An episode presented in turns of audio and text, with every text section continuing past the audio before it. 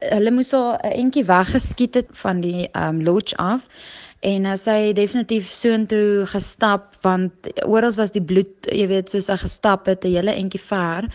En um en oral het dit sy geskuur teen die bome. So die ergste is dat hierdie renoster of die gevolgtrekking wat ons maak is dat sy nie regtig dood was toe hulle aan haar gewerk het of heeltemal dood was toe hulle aan haar gewerk het en en hierdie horing verwyder het nie. So dit is dis baie sleg en die ander ding is sy het geaborteer ook net daar waar ons haar toe nou gekry het. So dis baie sleg geweest vir ons.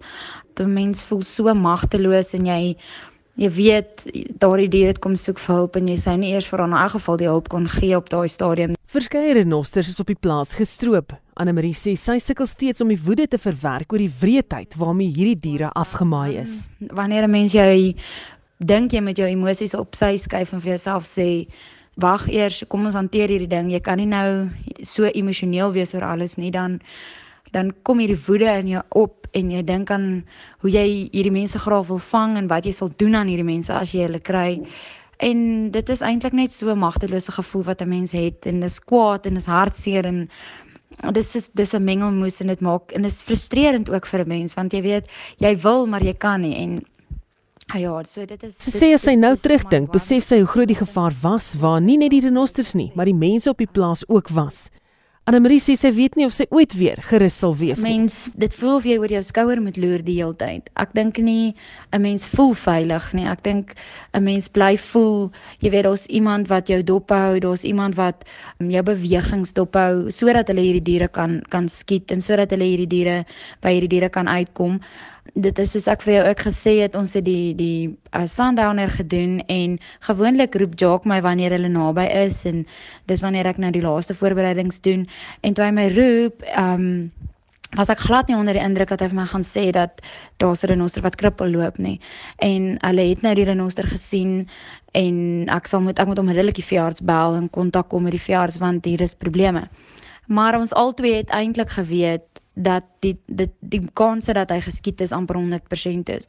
Daardie stadium is ek alleen, jy weet, hy is 'n entjie van my weg en dit is wanneer jy weer besef wanneer daardie ding van jy loer oor jou skouer kom, want dan besef jy weer daar is jy alleen. Wat jy is magteloos in hierdie ding.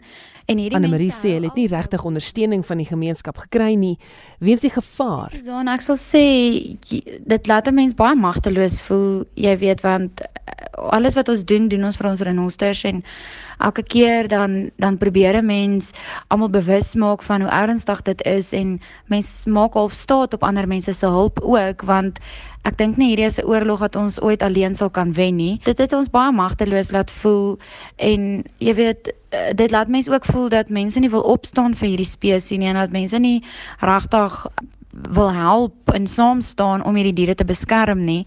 En is weer Intussen het 'n buurman Anne Marie daarvan bewus gemaak dat hulle 'n plek gevind het waar die stroopers die plaas dopgehou het. Sy sê sy het self gaan kyk wat op die toneel aangegaan het en kom toe met 'n skok agter dat sy van daardie punt af self tot in haar huis kon sien. En en op daardie stadium kon hulle my bewegings dophou. Hulle kon sien waar beweeg Jock, wie is in die veld op watter stadium. En en dit maak weer eens daardie ding dat mens voel jy jy loer half oor jou skouer en nou moet jy jou huis half wegsteek of toemaak of hoe sal ek dit nou stel dat hierdie ouens nie so 'n direkte 'n direkte uitsig of 'n direkte view het oor wat by jou huis aangaan nie.